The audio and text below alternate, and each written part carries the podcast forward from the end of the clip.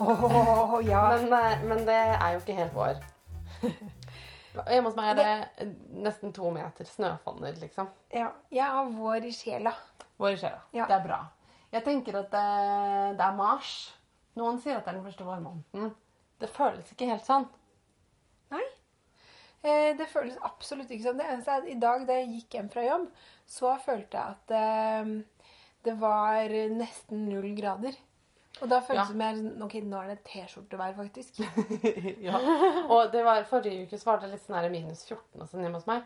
Så eh, nå denne helga så har jeg gått rundt og liksom følt at eh, det var ekstremt varmt hele tiden. Ja. Men eh, vi har i hvert fall tenkt å ha en episode i dag om litt mer sånn vårlige temaer, da. ja. Vi kjenner at vi er på vei ut av eh, Dvalen. Det blir jo lysere. Ja, og det er så deilig. Lyse kvelder. Jeg elsker det. Lyse morgener, lyse kvelder, lyst alt. Du, jeg ble dritstressa for at jeg la teppet over det glasset med jus. Ja. Sorry. Det står bak. Der. Jeg har blitt sånn juice junkie. Ja. Ja. Det er din graviditetsgreie. ja, jeg går rundt med juice så mye jeg kan. Ja. Altså Hvis jeg ikke har juice i nærheten, så får jeg noia. Jeg hadde eh, kullsyre. Jeg måtte ha bobler i alt jeg drakk. Eh, til slutt så var det sånn at eh, eh, vi liksom leverte et par bæreposer med Farris-flasker i uka til pant. Og da kjøpte vi sånn Soda Streamer. Det er derfor den kom. Ja. Den kom. Um, og Ja. så etter at vi hadde kjøpt SodaStreamer, så oppdaga vi at de har produksjonen sin i eh, okkuperte områder i Israel. Og vi bare Nei, politisk ukorrekt, kan ikke kjøpe det. Så da tok jeg og klistra, eller vi tok og klistra en sånn klistremerke hvor det står sånn derre eh, Boikott okkuperte områder, la, la, la. På vår egen SodaStreamer hjemme. Det er sånn klistremerker man egentlig skal gå rundt og klistre i butikkene og være eh, opprørsk. Ja. Men vi klistra den på den hjemme, så det i hvert fall skulle ha dårlig samvittighet hver gang vi brukte den. Men så, i ettertid, Ja. så har de flytta produksjonen ut av okkuperte områder. Så Ja. det kan jeg si nå. Folkens, kjøp eh, SodaStreamer, fordi SodaStreamer har ikke produksjonen sin i okkuperte områder eh, i Israel-Palestina lenger. Og så fins det andre merker som produseres andre steder også.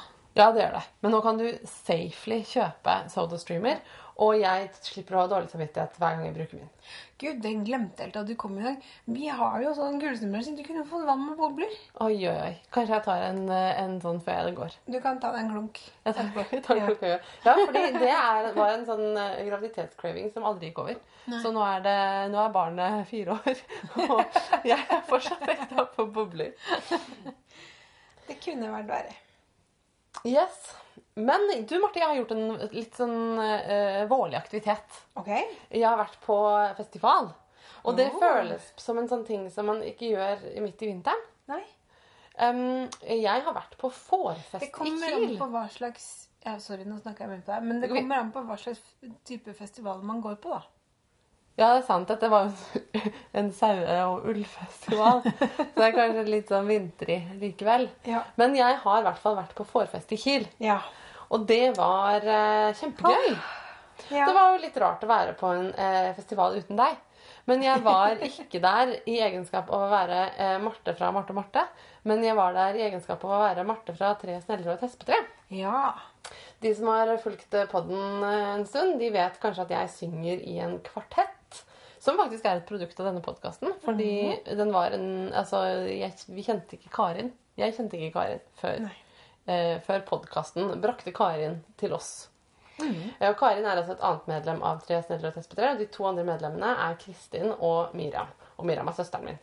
Og vi er en kvartett som synger norsk og svensk, eh, først og fremst folkemusikk, a cappella, firstemt, som handler om strikking og ull og hekling og spinning og veving og valking og vaddemel og sauer. Og vi er ganske sjenerøse med repertoaret. Hvis noe har en sau i seg, eller en sokk eller ull, så får det være med på vårt repertoar. Ja. Så det vi gjorde på Fårfest i Kiel, var at vi eh, sang. Eh, var en del av Fårfest på scenen der. Um, og i tillegg til det så gikk vi rundt i bunad og sang. Oi, oi, oi. Og da de spurte om ikke vi kunne ha på oss bunad, så tenkte jeg bare sånn Nei, nei, nei, nei, nei. det er dødskleint å gå rundt i bunad og synge, liksom. Men vet du hva? Det var så fint. Ja. Jeg er så vant til at når man har på seg bunad i Norge, så er det en sånn anledning hvor alle har på seg bunad. Ja. Bryllup og, og 17. mai og sånn. Og da sier folk kanskje sånn 'Å, fin bunad. Hvor er den fra? Har du familie der?' Um, mens i Sverige så er det ikke sånn at alle har liksom folkedrekt. Nei. Og det var helt sånn, jeg følte meg som en prinsesse. For alle var sånn der Å, men gud, hvilken fantastisk folkedrekt! Hva Er den norsk? Er den norsk? Så alle liksom måtte pille på oss og, og syntes vi var eh, fantastiske. Og sa at vi var sånne ting som fantastisk tjusiga. Og, sånn. Oi, oi. og det er jo gøy å være fantastisk tjusig. Ja, men man blir jo fantastisk husig i bunad. Jeg Man blir det. Ja, Ja, man blir litt faktisk. ekstra pen. Ja. Um, så det var, men det var litt gøy, og det var litt sånn overraskende gøy å gå rundt i, i, i eh, bunad. Så hvis du var eh, på forfest i, hvis lyttere var på forfest i Kiel og så de gærne norske jentene som gikk rundt og sang i bunad, det var meg. um, og så var det litt morsomt, for hver gang vi møtte norske nordmenn, så sa de sånn Hvorfor har dere på dere bunad? og hver gang vi møtte svensker, som var liksom eh, hvert tredje sekund, Ja. eller oftere, så sa de sånn Å, er fantastisk! Så fantastisk! Ja. Men tenker at alle steder man skal gå rundt og synge om ull og sauer og strikking og alt det der, eh, og eh, folkesanger, og ha på seg eh, tradisjonell eh, bekledning, da. Altså, så bunaden er jo ikke irrelevant. Den er jo Den er jo ikke det. Nei. Nei. Og min bunad er ullig så det holder. Altså, jeg har ullstakk og eh, Ja. ulliv og i det hele Altså, alt er jo ull. Ikke sant? Bortsett fra perlene. Jeg har hardangerbunad. Ja. Og veldig glad i den.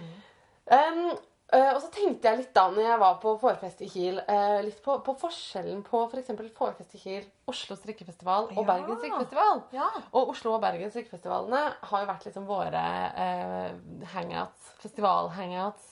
Ja. Um, og det er ganske forskjellige steder, altså. Spennende. Ja, Fortell. nå er det jo, det ligger jo litt i navnet. altså Det er jo Oslo og Bergen strikkefestival, men fårfest i Kiel. Så det er jo ikke på en måte strikking i høysetet. Det er jo mer sauen og alt den gir. Så det er alt fra pølse og saueskinn til garn og Ja. ull og alle mulige ting som har med laging å gjøre. Ja.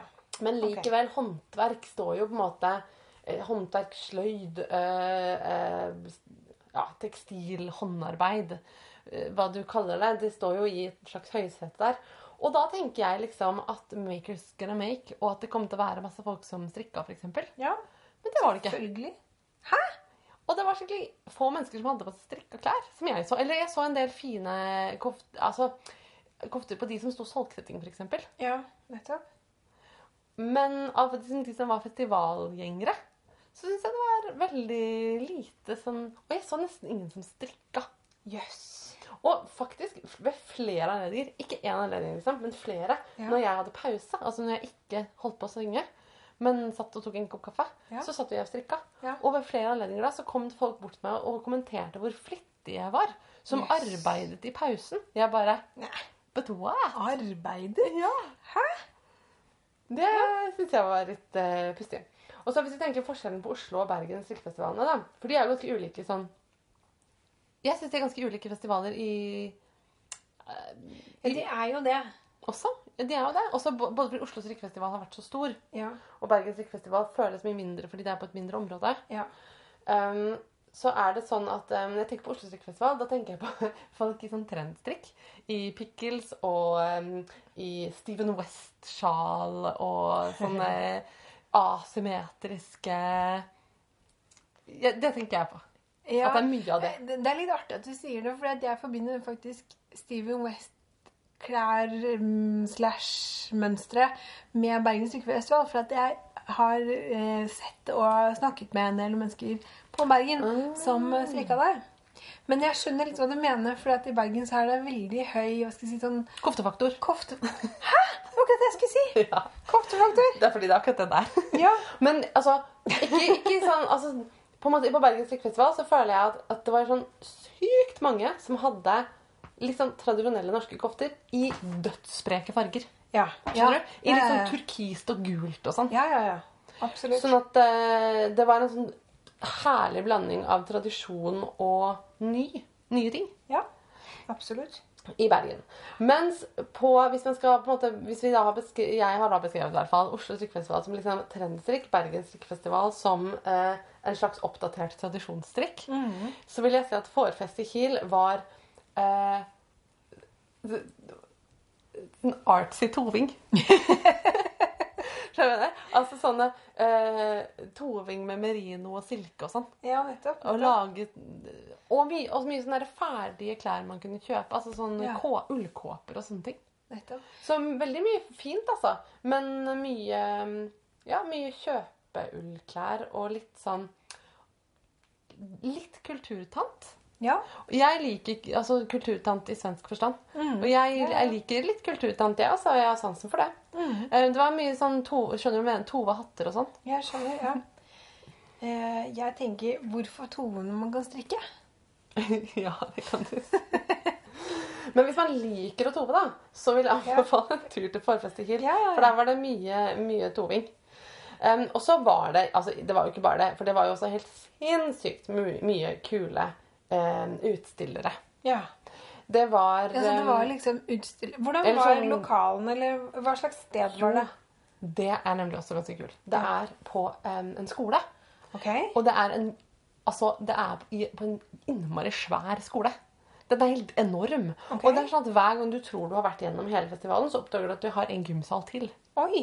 Så det, for meg var det helt sånn derre Å ja, og så fortsetter det her. Å ja, så her. Å ja. Og så enda der er det en hel sånn fløy til som den, hvor vi ikke har vært i det hele tatt. Så jeg er fortsatt ikke helt sikker på at jeg var overalt. Nei. nei. Men det var altså så utrolig mye. Og hvor mange eh, typ sånn salgsboder og utstillere de har hatt, det tør jeg ikke å tippe på engang, men det må ha vært flere hundre. Fordi, hvor lenge, vet du hvor lenge festivalen har holdt på, eller hvor mange år det har blitt arrangert? Nei, det burde jeg sjekka. Det har jeg ikke gjort. Nei, for jeg innbiller meg at den har vært, eh, vært der i ganske lang tid, da, eller liksom typ Ja, flere år enn det har vært strikkefestivaler her, kanskje.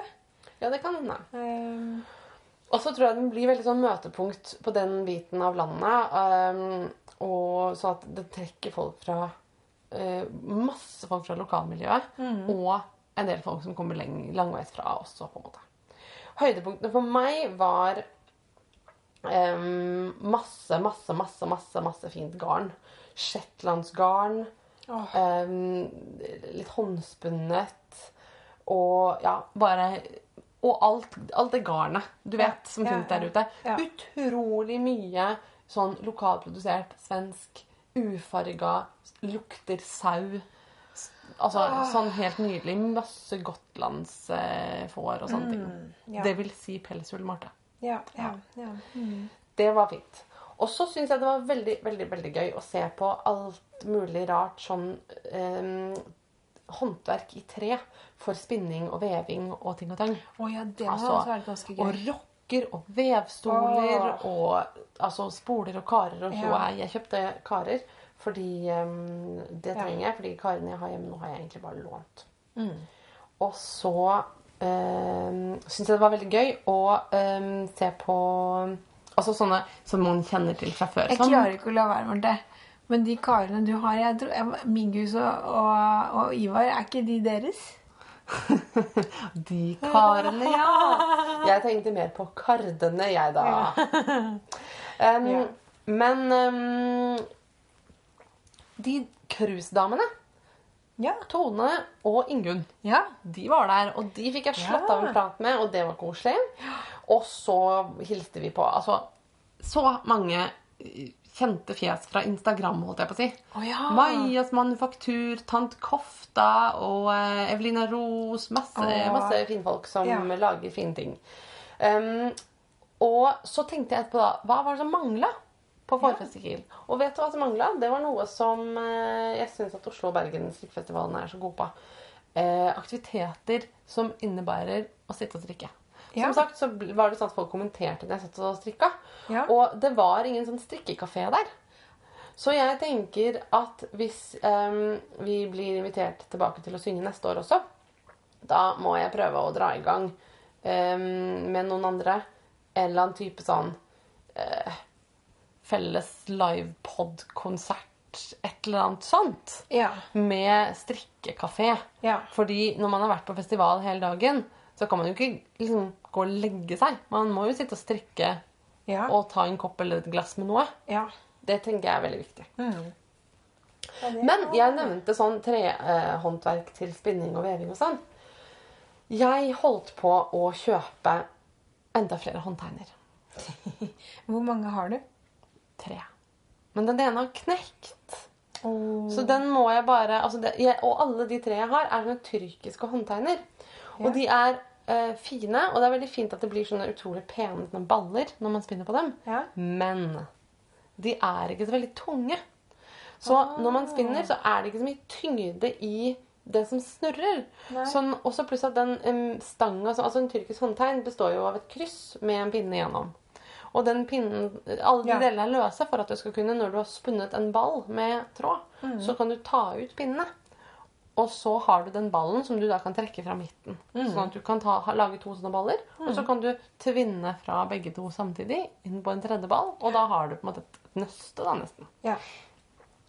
Um, men um, når man spinner på den, så er det noen ganger at den ikke får ordentlig spinn. Fordi at du bare får tak i den pinnen i midten, og den Ja. snurrer inni ballen istedenfor å spinne hele greia rundt. Oh, ja. Så jeg har egentlig lyst på en sånn klassisk Det som jeg tenker på som en norsk håndtegn.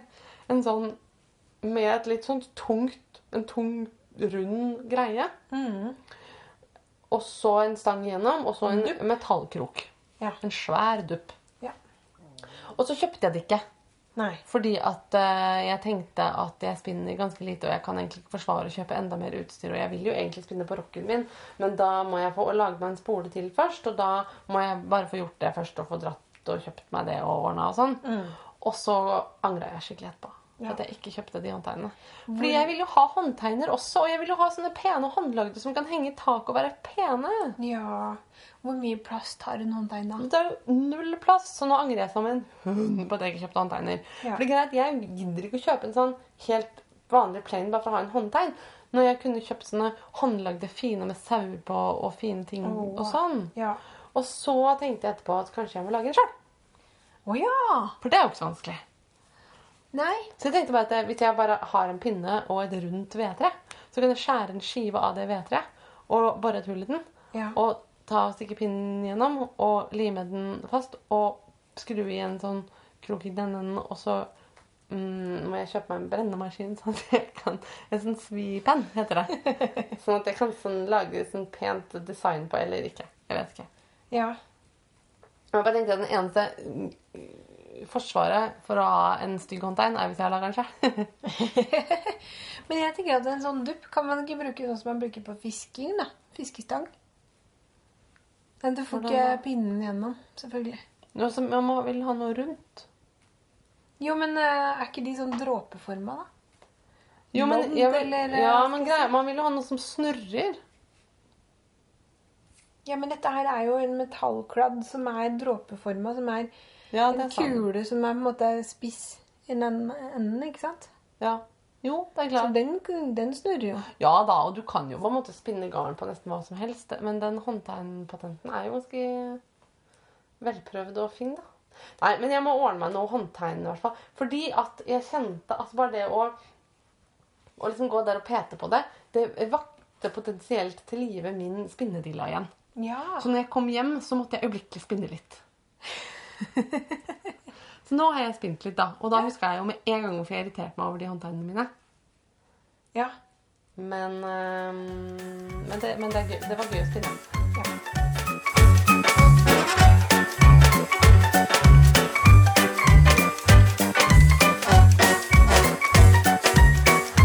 Og dilla, det er jo noe som jeg får ganske lett. Ja.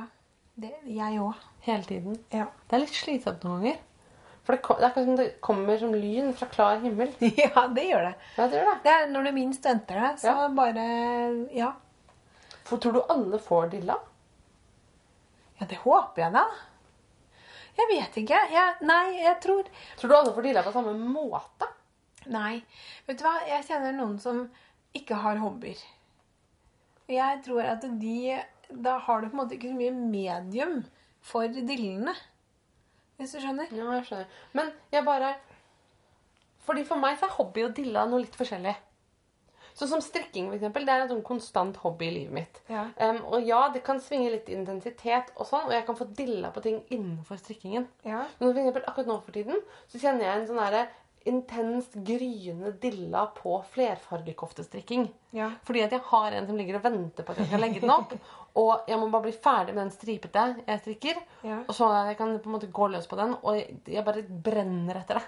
Ja. Ja. Men um, andre ting jeg har dilla på akkurat nå um, Blekkspruter. Ja. Veldig dilla på blekkspruter. Ja. Fy søren, for noen kule dyr. Og jeg har fått dilla på det sammen med Ivar, som altså er sønnen min, som er f- snart seks. Og vi driver og ser på dokumentarer om blekkspruter og sånn. Og det er kjempegøy. De er jo ekle Nei, og skumle og morderiske. Jo, sk- de er som skumle. svaner. Drapsmaskiner. De er ikke som svaner, men jeg er enig i at de er eh, eh, litt eh, Altså, ekle er jo et relativt begrep, men skumle skumle. og morderiske. Og det er jo noe av fascinasjonen. De har tentakler og sugekopper og er sykt intelligente. Ja. Altså, Jeg er så fascinert at jeg dør. Jeg vil helst liksom eh, bare kaste alt i mitt liv over bord og vie meg til marin blekksprutforskning. Kjempemorsomt. Eh, og så har jeg dilla på dystopier i litteraturen. Ja. Og det er kjempegøy også. Og det får jeg undervise litt om eh, i jobben min, så da er jeg heldig. Men det er sånne ting som Det er dillaer. Fordi Altså, greia med dillaer for meg er ikke at de går over, for det gjør de ikke. Jeg kommer til å være interessert i blekkspruter til jeg dør. Men jeg antar at det kommer til å avta litt intensitet. jeg er ikke så veldig sånn altså, bestandig i mine dillaer. Altså, det ligger kanskje litt i begrepet, tenker jeg. Altså, for hvis du har en dilla som er så intens hele livet, da tenker jeg at det er en person. Ja. Eh, det kan jo Det er kanskje grader av det òg, da. Ja. For det kan jo være en person, eller det kan være en eh, besettelse. Ja. Eh, mer eller mindre sykelig og destruktiv, det er kanskje. Og, eh, jeg tenker at jeg, fant, jeg satt og bladde gjennom hefter for jeg skulle finne en oppskrift. Eller jeg lette etter en spesiell type oppskrift. Og så bladde jeg gjennom alt jeg hadde. Og da fant jeg oppskriften på den genseren som virkelig velta lasset for meg, da. Og eh, den har du snakka om på poden før. Ja. Eh, Genseren på toget til Stavanger eller noe. Nei, Som starta det hele. nei Eskimo Ja, den også. Eh, ja, det kan du si. Kanskje jeg er to, da. ja, men altså, fordi den, den jeg tenker på nå, det er Eskimo-genseren. Ja, nettopp. Um, og jeg husker ikke hvem av dem som kom først. Men Nei. den som på toget til Stavanger, den, eh, den også satte meg jo Det er den man har kommet seinere, for da hadde jeg oppdaga Ravelry. Ja. Ja. Men den Eskimo-genseren, den eh, fant, I det heftet hvor jeg fant mønsteret, så hadde jeg notert meg datoen. Og den strikka jeg da i 2004. Oh. Og det som er den dilla der, da Og du strikka jo før det, for du strikka jo Jeg traff deg jo i 2002, og da Ja. jo vi sammen. Ja. Men da gikk det liksom mest i votter og sokker og skjerf. Og det var litt mer sånn eh, sporadisk kanskje også. Ja. Ehm, men ehm, eh, fra 2004 til nå så har det jo gått mer eller mindre i, i ett. Så jeg vil jo jeg, eh, jeg vil ikke si at det er en sykelig og besettelse. Det vil jeg ikke si. Nei. Men den, den, den dilla har kanskje har på en måte ikke Kan jeg tenke at den dillaen er på en måte mer enn en dilla. For det er en Altså, Nei, det kan du si person, strikking er jo en slags sånn greie i livet ditt som er der konstant. Ja. ja. Men eh, vi har f.eks.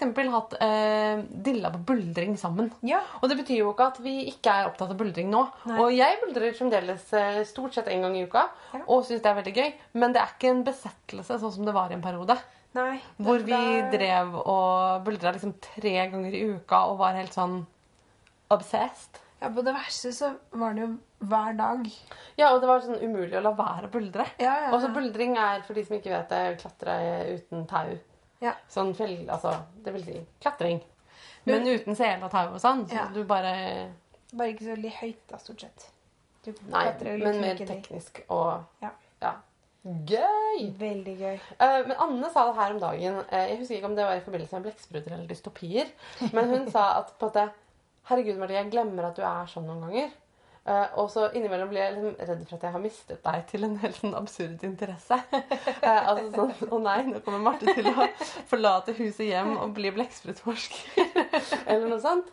Um, men så kommer hun på liksom, at jeg har alltid vært sånn. For det, jeg har jo hatt sånn Altså, buldring er én ting. Jeg har hatt, uh, vært ekstremt obsessed med Shakespeare. Hunderaser. Altså, som sagt, jeg er, fortsatt jeg er fortsatt opptatt av hunder, men i en periode var det liksom en besettelse. Eh, trening, whisky, asiatisk matlaging, Dr. Martens sko.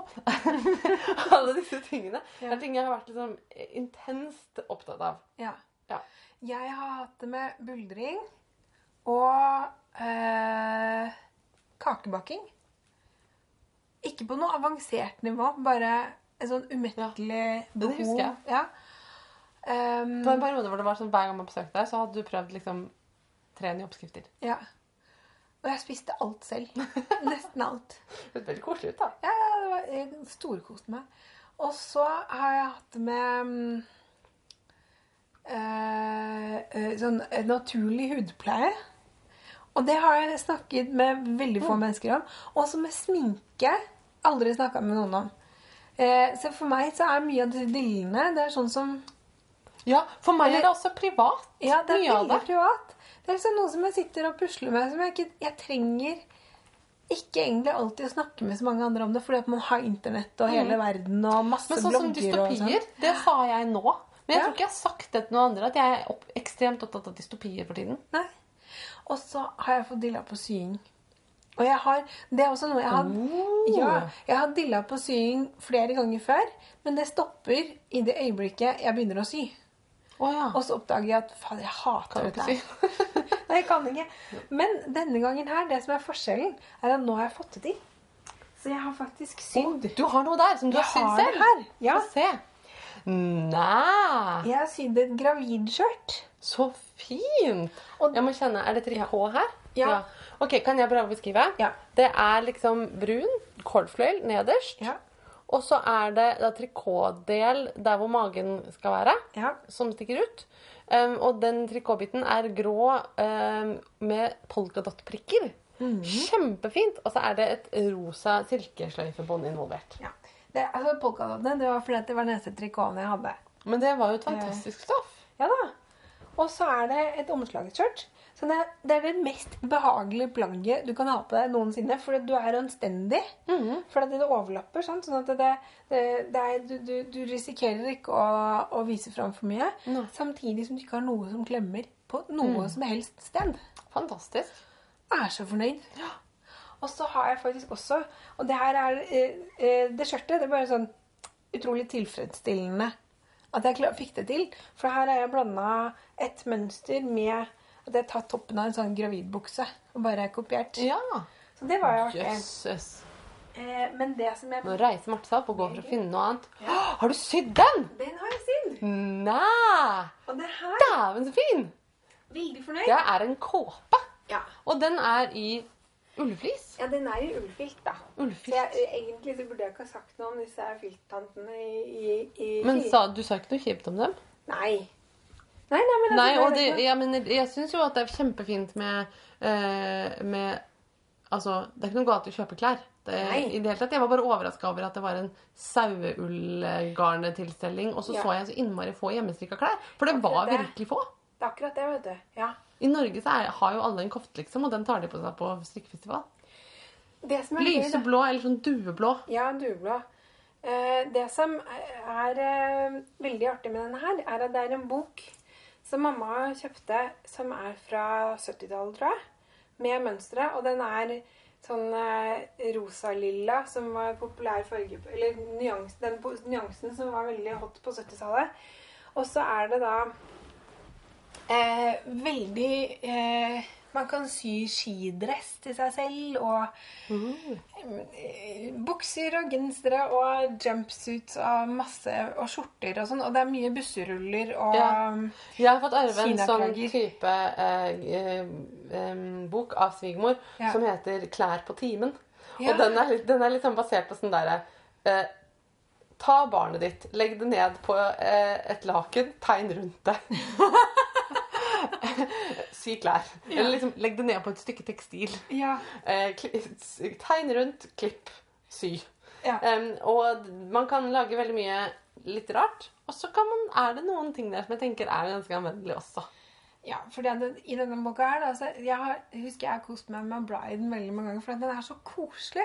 Ja. Og det er veldig mye sånn applikasjoner og greier. Og så minner det meg så veldig om mamma og tanten min da jeg var veldig liten.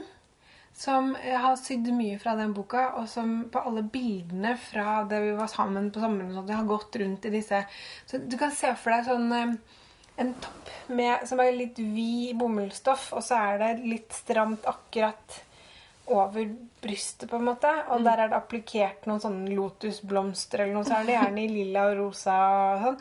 Og med knytestropper over skuldrene. Der har du stilen, liksom. Kjempekoselig og fint og gøyalt.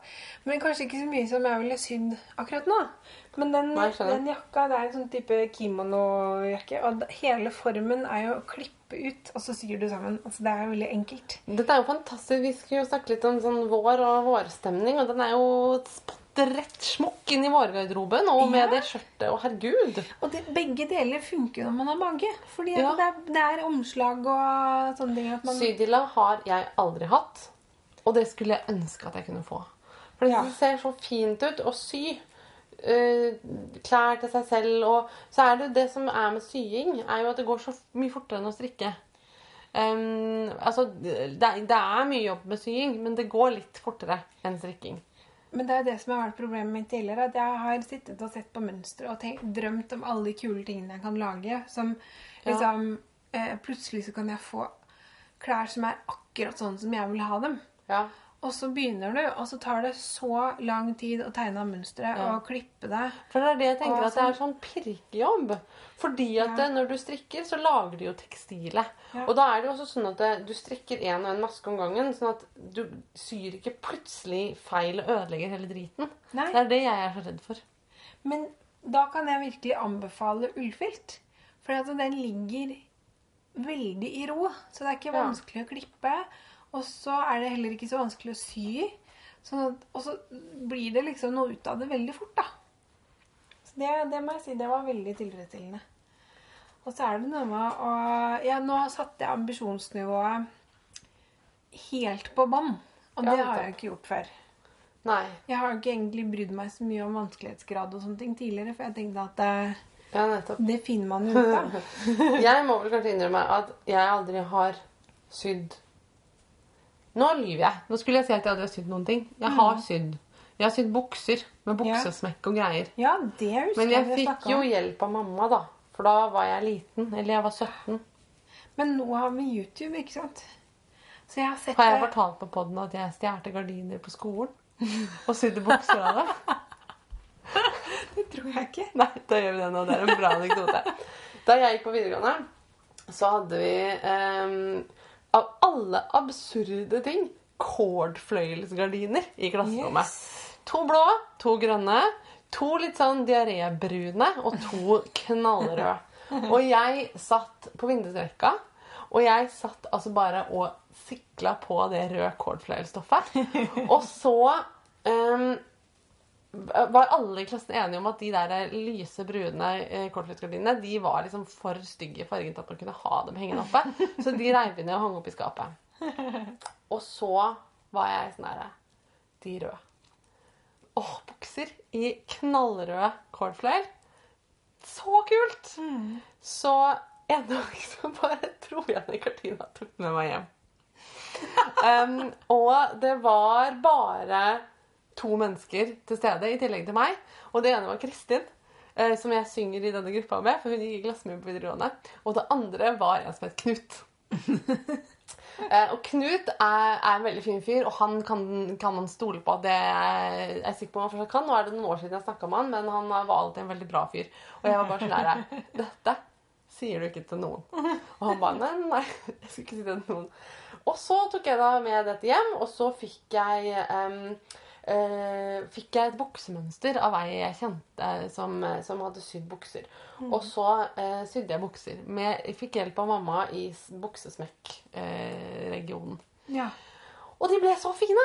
Og de ble helt, helt smokk perfekte, selvfølgelig. Og eh, sl- sleng beinet som det skulle være, og sånn. Og så var det jo det problemet at jeg satt jo på vindstrekka, så jeg kunne jo aldri ha på meg de buksene på skolen. Nei, det For da ville jeg jo på en måte bare Da ville det bli veldig tydelig at jeg hadde lagd bukser av gardinene, for å si det på den måten. um, så det gjorde jeg aldri. Men jeg brukte dem flittig på, på fritida. Og eh, blant annet så brukte jeg det ganske mye når jeg var russ. Når jeg var lei av å gå i russedress, så gikk jeg i knallrød cordfløyel isteden. jeg hadde en, også en russekjole. Jeg var ikke så veldig sånn standardus, da. Men ja, så det er egentlig hele anekdoten. Jeg stjerte, jeg stjal gardiner og sydde bukser av dem. Ja. Og det var jo litt påfallende. Jeg tenkte på det etterpå, for det var, var jo da to grønne, to blå og én rød gardin i det rommet. Og det var ingen som noen gang sa noen ting om det. Nei. Så det viser vel bare at liksom, tenåringer er ikke sånn veldig opptatt av interiør på skolen. Nei, det kan jeg vel eh, si det allerede med en gang. holdt jeg på å si. Ja. Men er ingen lærer eller noe reagerte heller? liksom? Nei. Det er vel ingen som er så opptatt av gardinene. Og jeg bare Nei, Jeg er ikke veldig opptatt av gardiner. på skolen. Hvis det er stygge gardiner, så er det veldig forstyrrende. Men det var det det var. sant? De gardinene var bælstygge som gardiner. Ja. Veldig fint buksestoff. Ikke så veldig egna som gardiner, da. Nei, Kordfløyelsgardiner, det og så sånn litt sånn breistripa kordfløyel. ja. Men det ble fine bukser. Og jeg har aldri hatt eh, et sekund dårlig samvittighet for det. Nei. Må jeg bare erklære. Yes, Så det er det eneste øh, egentlig jeg har sydd, altså. Jeg eh, Ja, neimen altså Jeg har Jeg håper jo på en måte at jeg skal klare å holde det gående. Og det som jeg kjenner er neste nå, er at den boka som jeg stjal fram nei, jeg har ikke stjålet fram, men jeg har fått Det er bare jeg som driver med sånn stjeling. Ja, nei, altså jeg husker ikke hvordan den boka havna her, men nå er den her i hvert fall. men mamma hadde samme versjon i barneklær. Ja. Og der kjenner jeg Altså, jeg er ikke Jeg må si at jeg er kanskje eh, Norges minst motiverte mammastrikker. Jeg, Ja. jeg, jeg klarer ikke å finne det i meg at jeg har lyst til å strikke til ungen. Eh, det syns jeg eh, du kan slippe. Ja. Men det er en veldig snill sjel der ute som har tatt kontakt med meg på Instagram, og som faktisk strikker til meg nå. Ja, Det er veldig, veldig hyggelig. Det er gøy. Ja, Så folk og fe, strikk til Marte. Bare Altså- send inn. ja, ja da. Nei, men altså, det, jeg tror, det, det som jeg har konkludert med, selv om jeg ikke strikker til ungen, så tror jeg ikke ungen trenger å gå naken. Fordi Nei. jeg har også to eh, Ungen har da to brest, bestemødre som Ja, som vil produsere noe. det, Toget klarer Det har ikke bremser, tror jeg. Nei, men det, det er veldig fint, tenker jeg. Og så, eh, så jeg, Men jeg tenker, det jeg kjenner Det jeg kjenner veldig sterkt, det er at altså, Jeg må bare få sagt at søsteren min og meg, vi var verdens søteste barn. Ja, det Vi tror jeg dere var. Med sånn eh, bolleklipper og sånn. Vi hadde bolleklipper. og jeg hadde veldig bollekinn. Søsteren min var litt, eh, litt slankere, men også gode kinn. Og så gikk vi da i Vi hadde en fullstendig hjemmelaga garderobe. Og det gikk jo da innmari mye i sånne vatterte omslagsjakker med eh, Ja, med applikasjoner og sånn eh, Hva heter det for noe? Eh, bånd. Mamma likte veldig godt sånn Sånn eh, kantebånd, liksom. Kantbånd, ja. Mm. Det var veldig greit. Da slapp man å lage Ja, nettopp. Ja. Og alt var liksom de kule Altså veldig kule stoffer. Og gjerne også litt sånn patchwork. Jeg, det er, jeg tror søsteren min hadde sånn vattert patchwork-jakke med typ Altså hun er født i 77, så da var det jo mye storblomster av gule greier og lilla og rosa, alt blanda. Og grønt. Klargrønt og ja. Kult. Så her skal det sys. Det kjenner jeg litt. Ballongbukser. Ja. Jeg har lyst til å sy Ja. meg ballongbukser til meg selv. Ja. Det er ikke vanskelig, tror jeg. Nei, det tror ikke jeg heller. Nei. Jeg tror det er sånn at man kan legge deg ned på et stykke tekstil, tegne rundt beina, ut snurp. Ja. Ja. Det tror jeg til og med jeg skulle fått til. Det, bare, det skjer ikke. Jeg tenker at spinninga må jeg få litt mer opp og gå. Og så har jeg jo dette vevegreiene som jeg vil gjøre, som jeg ikke har fått kommet i gang med i det hele Ja. tatt. Men når jeg en dag bor et sted hvor jeg har et helt rom som jeg kan vie til em, liksom mine tekstile utfoldelser Det er min drøm, da. At jeg Ja. skal ha det en dag. Ja. Min også. Det jeg egentlig har sett for meg, som jeg ikke husker om jeg snakka om i podden tidligere, det er det at hun som er fastboende nedenfor oss, altså nærmeste nabo på hytta, hun er, har en låve. Og hun hvis, Ifølge mamma da, så har hun vevstoler på låven sin. Eh, eller på deler av den, for hun har en hester der også noen ganger.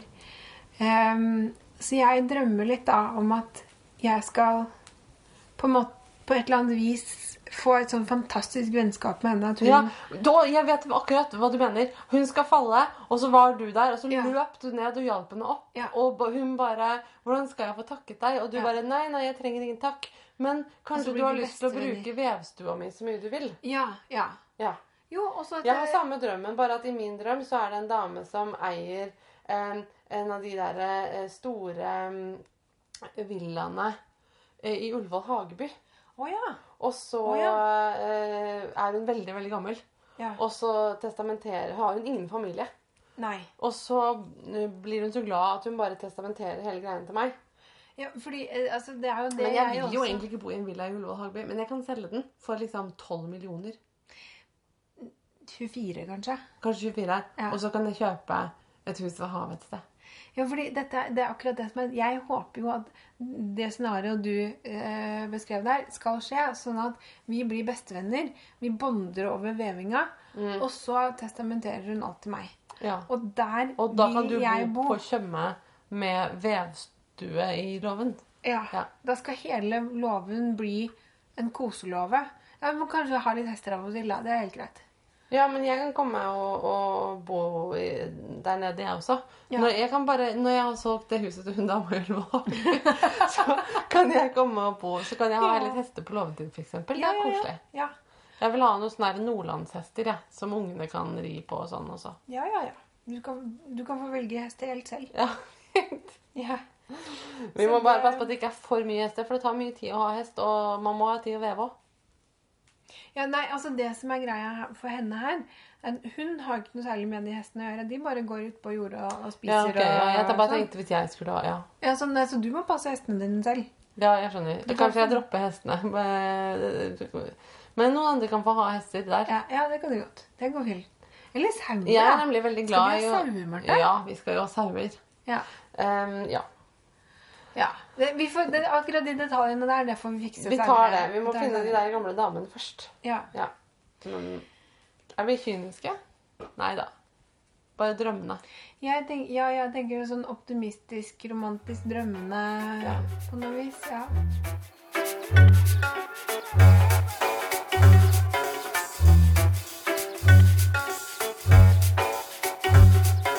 Men du, Marte. Ja, ja, ja. Snart er det påske. Ja. Eh, og jeg tenker at Er det noe tidspunkt våren liksom setter inn støtet, så er det jo når det kommer påske. ja, det får vi da håpe. Det er fint med snø og påske og ski og sånn. Det syns jeg er gøy og stas. det altså. Men for det, jeg vet ikke, jeg er gift med en som er sånn herre Påske, da må vi gå på ski. Og jeg er litt sånn, det jeg har vokst opp med, er litt sånn Påske, da må vi dra og gjøre hytta i stand for sommerhalvåret. Ja. Så for meg, det jeg forbinder med påske, det er um, liksom havet. Svalbard og, og sol. Ja, ja. Og kjøre til Svinestund og kjøpe helt sånn uanstendige mengder godteri. Fordi jeg, jeg har vokst opp i Østfold. ja. Jeg Så- er vokst opp med at vi drar på hytta, setter oss ned og spiser. Ja. I halvannen uke. Mm, det høres ut som min jul. Ja, det er mange likhetstrekk med julefeiring. Ja. Med den. Ja, Jesus er involvert òg, kanskje. ja faktisk. Det er jo Ikke så mye når min familie er eh, på farten, men eh, med kyllingen Jesus, liksom. Ja. Men uh, i år så skal vi verken gå på ski eller hytte oss. Vi skal uh, Jeg skal til England. Oh. Uh, jeg skal, Apropos at jeg har dilla på blekkspruter, så skal jeg på Natural History Museum i London og se på kjempeakkeren som ligger på sprit i kjelleren der. På Den- sprit! Ja, formalin, da. Å, fy faen. Den er åtte meter lang. Fra tentakkel til hodespiss. Marte, det er jo fantastisk! Det er kjempefascinerende! Men ligger den strukket helt ut i åtte meter? Hvis man trekker den helt ut, så er den åtte meter lang. Den ligger inni et lang glassboks og heter Archie. Ja, det hjelper jo ikke. Det er, vet du hvorfor den heter Archie? Nei. Det er fordi det latinske navnet er Architoitus um, something. Åh. Kult! Kjempegøy. Jeg skal ikke være med deg til London i hvert fall. Nei, vi skal andre ting òg. Ivar er veldig opptatt av at vi skal se dinosaurskjeletter og sånn der også. Ja, ja. Det, det, det er gøy. Men også tenker jeg at det er, eh, hvis man savner eh, vår litt, hvis man har fått litt sånn nok vinter, så er det veldig sjakktrekk å dra til England i påsken, for der kommer eh, våren litt tidligere. Ja. Så det er litt sånn vårstemning i London, tenker jeg blir veldig bra. Ja, ja. En annen ting som jeg egentlig tenkte på på vei hit i dag til deg, var at eh, nå må jeg søren meg bare strikke på på den hettejakka jeg driver og strikker, for den må jo bli ferdig til påsken, sånn at jeg kan legge opp det neste kofteprosjektet. Fordi det er gult, og man må jo strikke gult til påsken. Um, så jeg har med til deg, for jeg tenkte du skulle hjelpe meg å, å velge et mønster, så har jeg med Traditional Fair Knitting av Sheila McGregor. En bok som min far kjøpte til meg på Shetland for noen år siden. Og den har rett og slett bare sånn side på side på side på side på side med Åh. ruteark med sånn dotta inn mønster. Åh, nå bare Altså alle, farge, flerfargemønster. Ja. Alle de der reseptorene i hjernen min nå som er knytta til sånne ting jeg liker, de bare Nå er det nyttårsaften oppi der.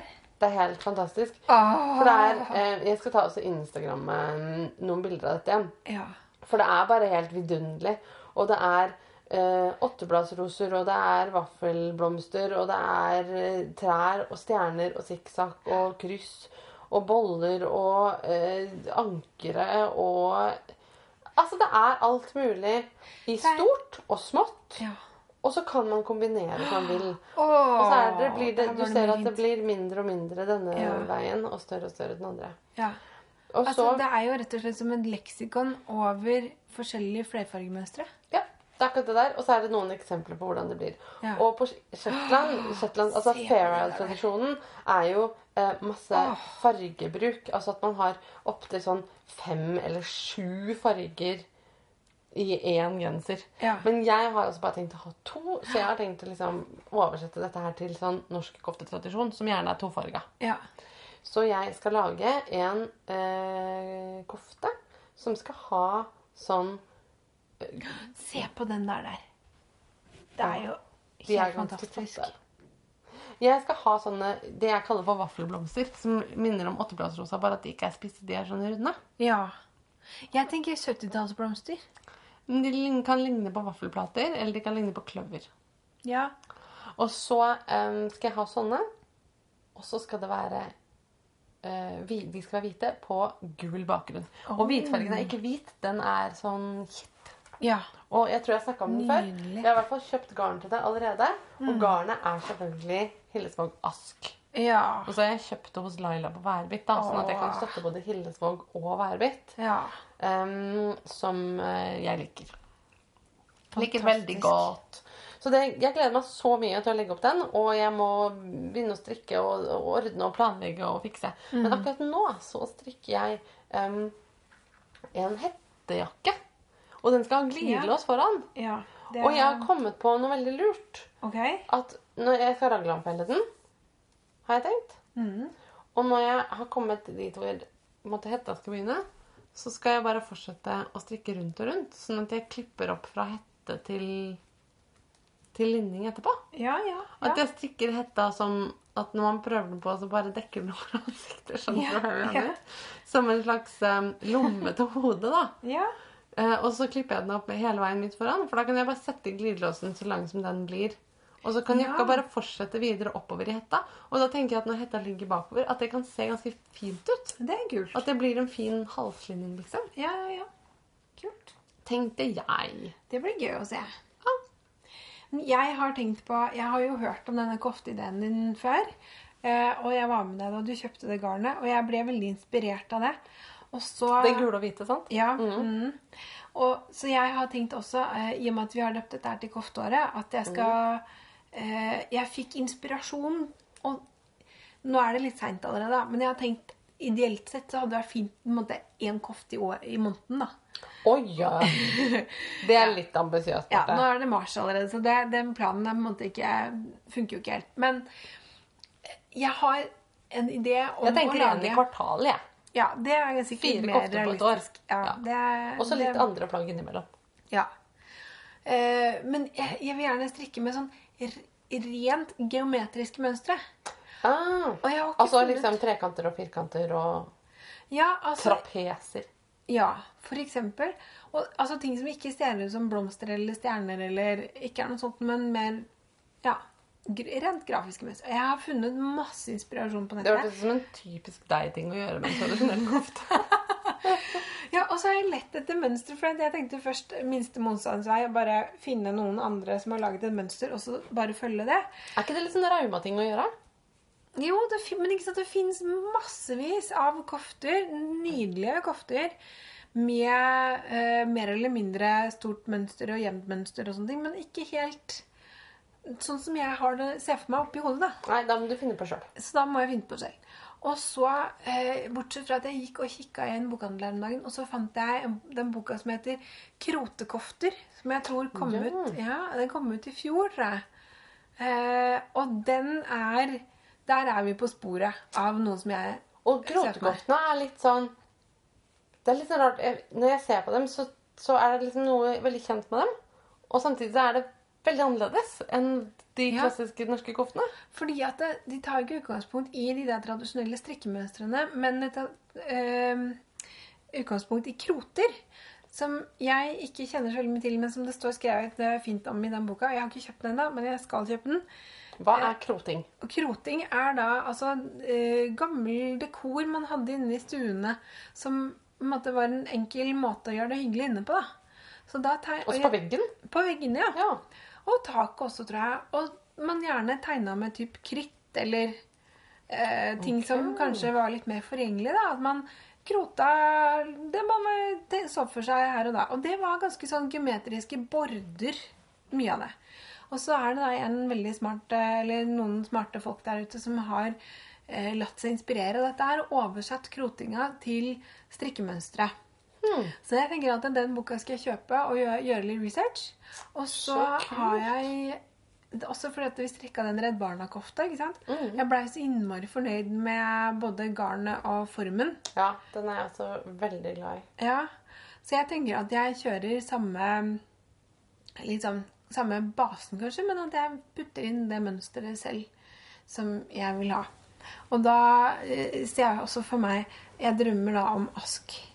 Ja. Eller kanskje også embla nå når det har vært så kaldt. En, bare en tjukkere versjon Ja. av ask, liksom.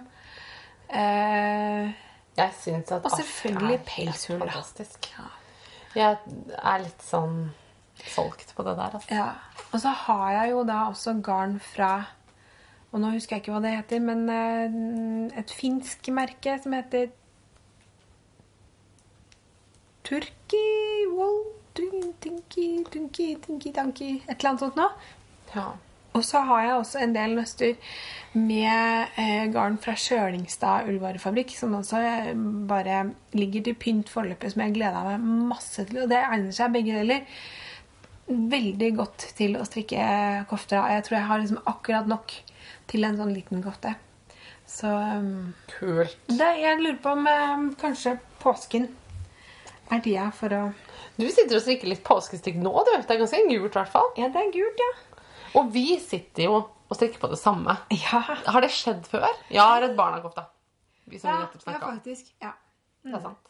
Men uh, det er ikke så ofte vi velger de samme mønstrene. Og jeg må innrømme at jeg vet ikke helt hva som skjedde denne gangen. Jeg vet ikke hva som kom over meg. Fordi jeg sitter og strikker på et Steven West-sjal. Ja. Jeg sitter og strikker en Vertices Unite, som alle har strikka, føler jeg. Um, det som er litt morsomt nå, er at du strikker på et Vertices Unite, jeg strikker på et Vertices Unite, og det ligger et Vertices Unite mellom oss på podkastbordet. ja.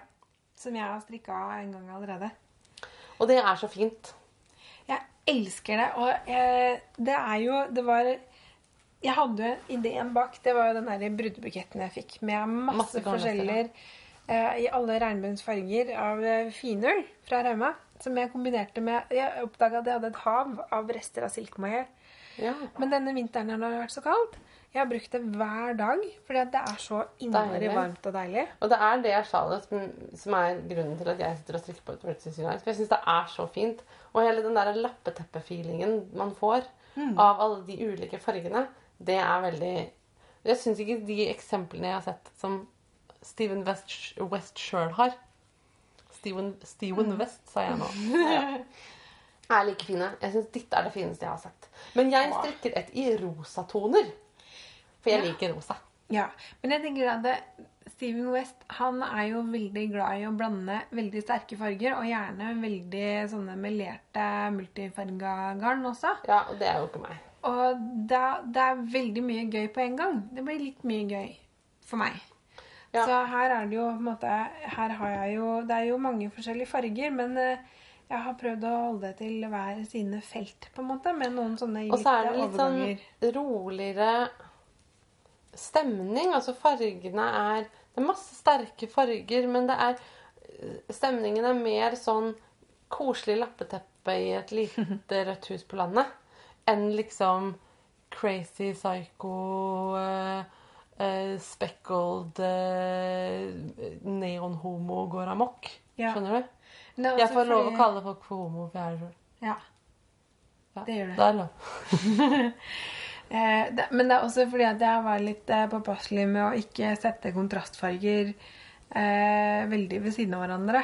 Eh, liksom, jeg gjorde ikke noe poeng ut av det. Nå sier jeg at jeg har lilla og oransje ved siden av hverandre, men den oransjen er da strikket sammen med rosa silkemohair, så den har blitt kaldere, mens Mm. den lilla er strikka sammen med rød silkemohair, så de to nærmer seg hverandre litt, da. Mm. Eh, Så det er jo noe med å få det litt roligere. At man tenker litt på hvordan man Hvilke Ja. farger man legger ved siden av hverandre. Den er eh, smart og fint eh, satt sammen, eh, det sjalet, altså. Og så er det veldig gøy å strikke, for dette er jo riller.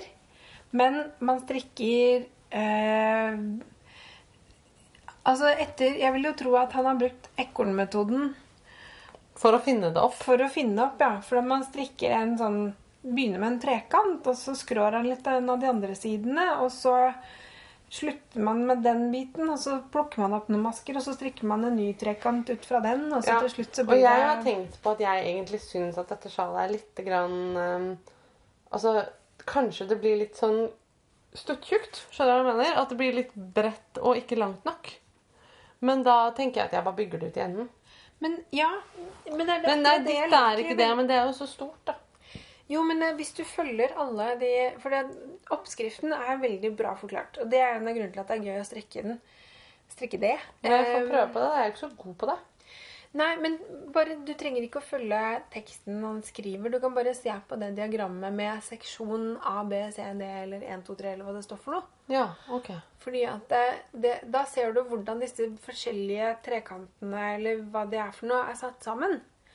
Og da, også, hvis du liksom analyserer litt mer, så ser du at den del to som du holdt på å strekke nå, den er med vendinger, ikke sant? Så du får en litt sånn lang, slak spiss.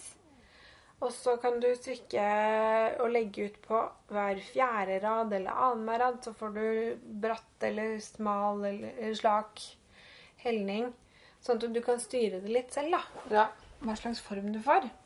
Og hvis du da setter sammen alle disse bitene han har, så, så får du et sjal som er lengre enn det er høyt. på en ja. måte. ja, Det er litt sånn viktig for meg hvis jeg skal kunne gå med ting rundt halsen.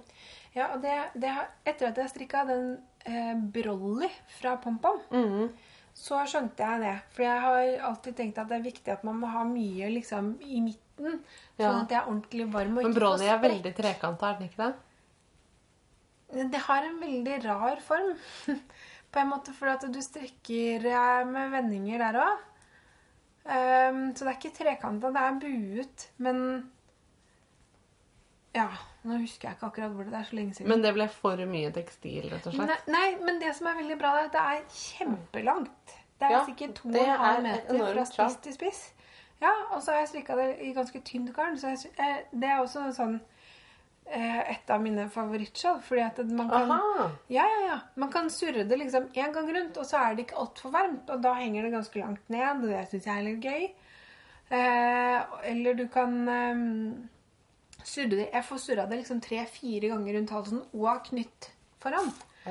Sånn at du kan, da kan jeg regulere temperaturen veldig godt. Ja, bra.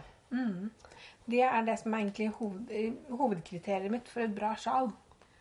Så nå sitter jeg og strikker på Vertices Unite fordi at jeg, det er litt mindre enn hettegenseren er så stor nå at den snart skal få armer og sånn inn på samme pinne. Ja. Så da begynner det å bli litt så stort å dra med seg på jobb og rundt omkring.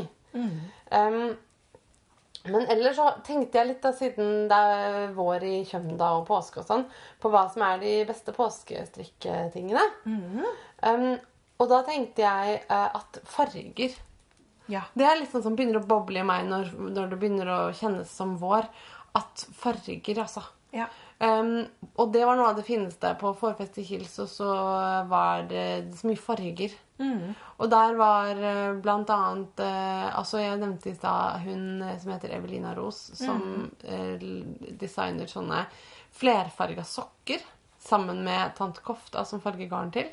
Og så er det jo hun som kaller seg for Tante Ulltuss, som strikker flerfargete sokker og votter i alle regnbuensfarger. Og jeg syns det er så kult den måten å flerfargestrikke på. Altså Med litt sånn usannsynlige fargekombinasjoner. At det blir så, blir så fresht og kult. Og jeg tenker liksom på meg selv som en sokkestrikker.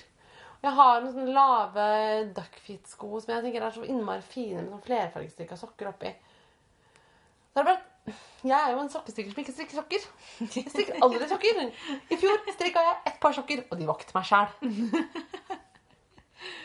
Nei? Så det er jo litt håpløst, da. Um, så jeg skulle ønske at jeg kunne få dilla på å strikke sokker også. Men det bare skjer ikke. Altså, det, det, ja, jeg registrerer at de som får dilla på strikkesokker, det setter seg. Og da klarer de tilsynelatende ikke å la være, så da strikker de bare ekstremt mye sokker. Ja. Jeg er ikke der. Jeg eh, Flerfarga sokker, det tror jeg må være på en måte et av mine marerittstrikk.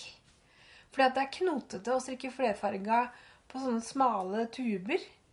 Og så må man strikke to av dem. Ja. Og så Min erfaring er også at de, de blir jo mye mindre elastiske i flerfargestrikk, sånn at det blir, kan være vanskelig å få dem på foten og sånne ting. Ja. Men da tenker jeg da må man eh, Det kan man kanskje trene seg opp på. Ja. Eller at man kan ta høyde for å finne liksom størrelse som passer bedre, eller ja. jeg vet ikke, et eller annet sånt. Nå hører vi Robby som snakker i bakgrunnen. Ja. Nei, jeg kjenner også at uh, koftestrikk flerfargestrikk er ganske mye mer fristende enn uh, ullsokker, altså. ja og det, det som frister meg der, det er jo den derre Redd Barna-kofta. Mm. Jeg tror jeg strikka den på litt under en uke. Og det gikk fort Det på gikk deg. veldig fort, for jeg blei så gira, og jeg syns det var så gøy. Og den pelsullen og Ja, ja. og- Nei, jeg strikka min var fort, jeg, altså. Ja, du gjorde det. Har du noen andre påskestrikkeplaner, da? Nei. Sitteunderlag Ja. tenkte jeg på. Det kan man strikke i påsken. Dette er ikke sånn jeg strikker, men det, er mitt påskestrikketips.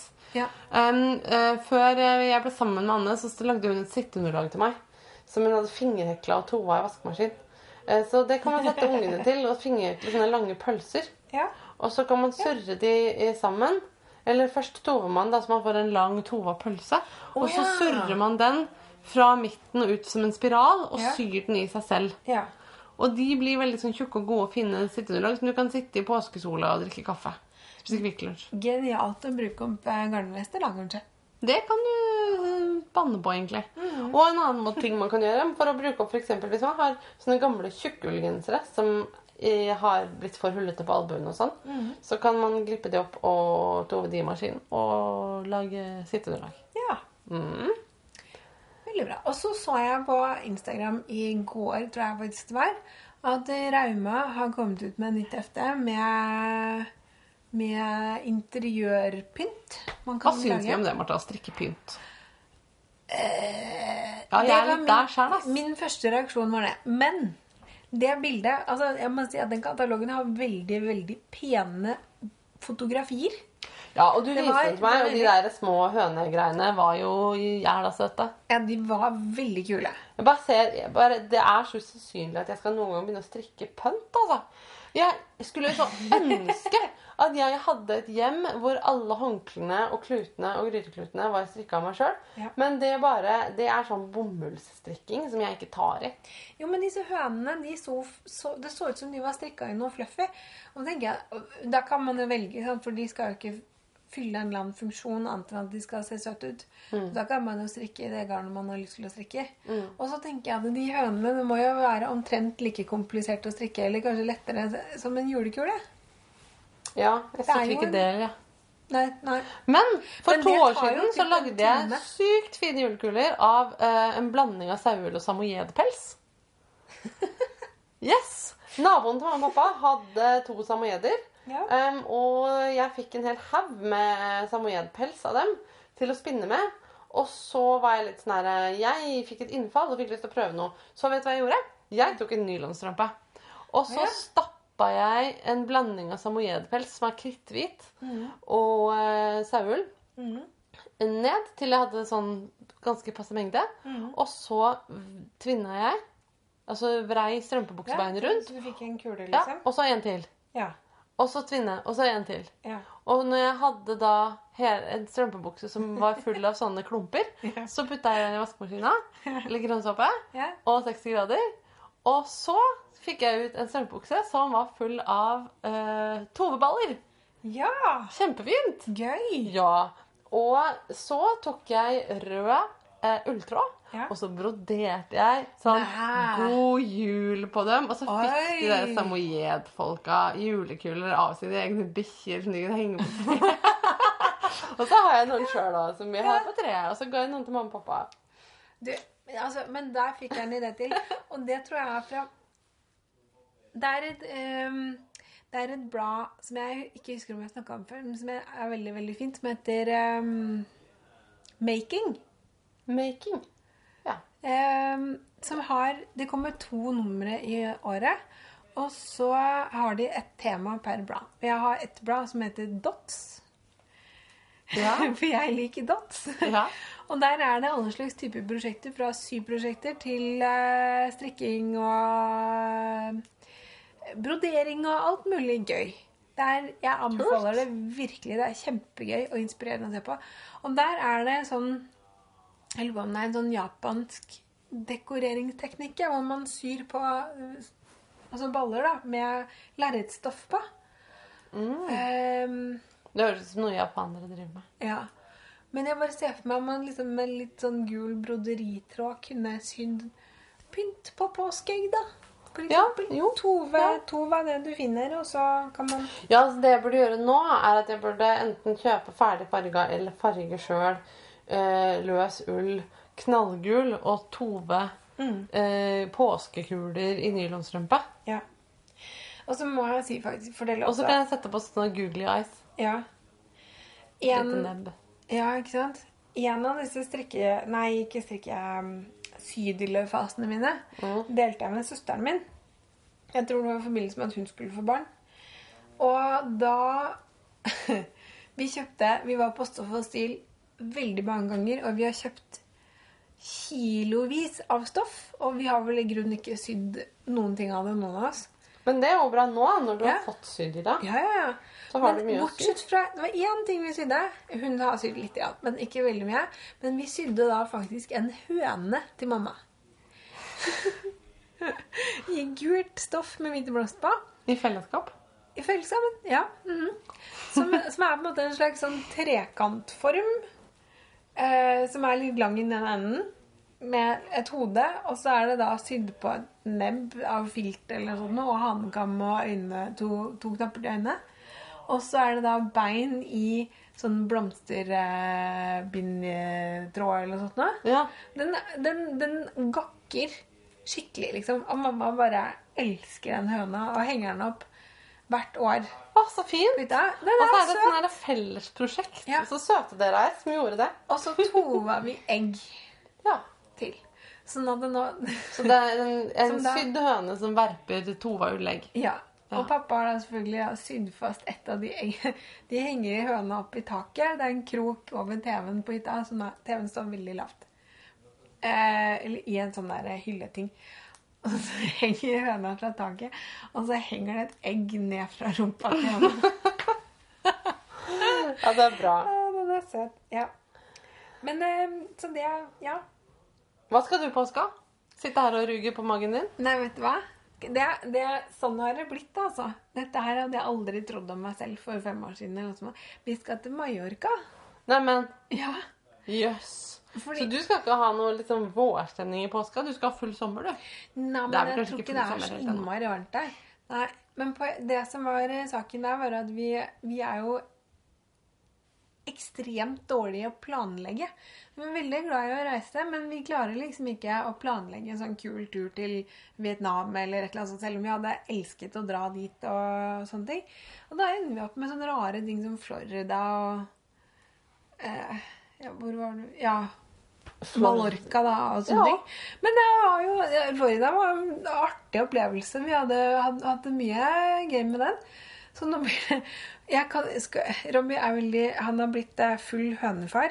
Så han tør ikke å la meg fly veldig langt, selv om jeg egentlig kan det. da. For Ja. jeg er fortsatt i andre trimester. Og så vil vi gjerne dra i sted hvor det er varmt. Så det er på en måte så langt vi kommer, da. Ja. ja, ja. Ja, Ja, men men det blir sikkert fint. Da kan du sitte der og strikke. Ja. Det blir bra. Jeg skal til England og jeg skal på, på National History Museum, og så skal vi besøke familier. Så det blir fint. ja. Jeg håper eh, at eh, alle lyttere får en god og strikkete påske. ja. Eh, Og så har vi jo Vi er- avslutter kanskje med å si um, til de som ikke har fått den triste nyheten, at det ikke blir Oslo strikkefestival til høsten. ja. Det er jo litt krise. Skal vi gjøre det da? Ja, men altså Alle kommer til å bare ligge rundt på Folkemuseet og grine Ja, i hele oktober. det kan jo være, men da er ikke det det verste stedet å ligge og grine. For Nei, det er det, er veldig koselig der. Og så er det faktisk kanskje også sauer. Sånn at den Ja, og så tenker jeg at folk bare får ehm, dra på de andre strikkefestivalene som fins. Det må du gjøre. Det er en i Bergen, det er en i Stavanger, Ja. det er en i Midt-Norge. Ja. Det er vel en Er det en i Tromsø? ja. Ja. Jeg, jeg tror at det er, det er um, Altså, Festival-Norge på strikkefronten har jo bare økt og økt. Altså det, Det er en i Fredrikstad. Ja. så jeg tenker at det er mange muligheter å gripe de sjansene som kommer. Ja. Og så kommer jo Det blir jo Oslo strikkefestival igjen på et tidspunkt, men det blir Ja. bare ikke akkurat i år. Det er bare en pause. Ja.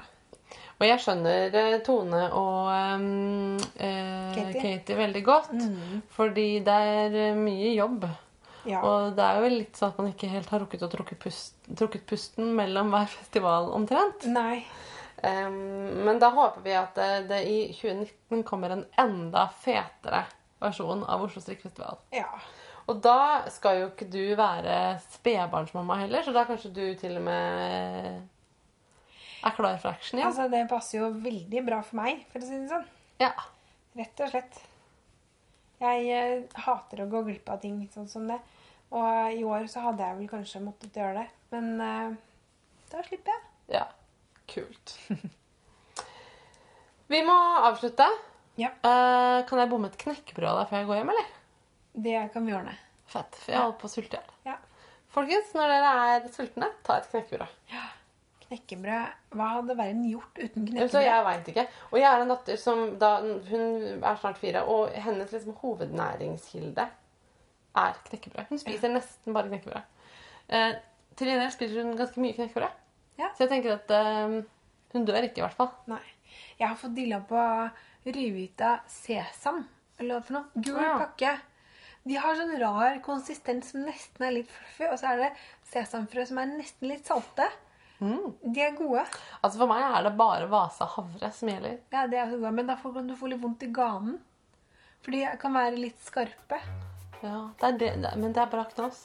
Veldig, veldig bra knas. Innmari bra knas. Mm, Fremskyld til å snakke om det. Yes, men da tror jeg vi eh, kaller det en dag og um, gleder oss videre til vår. Ja. Ja. Ses på andre sida av påsken. Yes. Ha det, Marte! Ha det, Marte!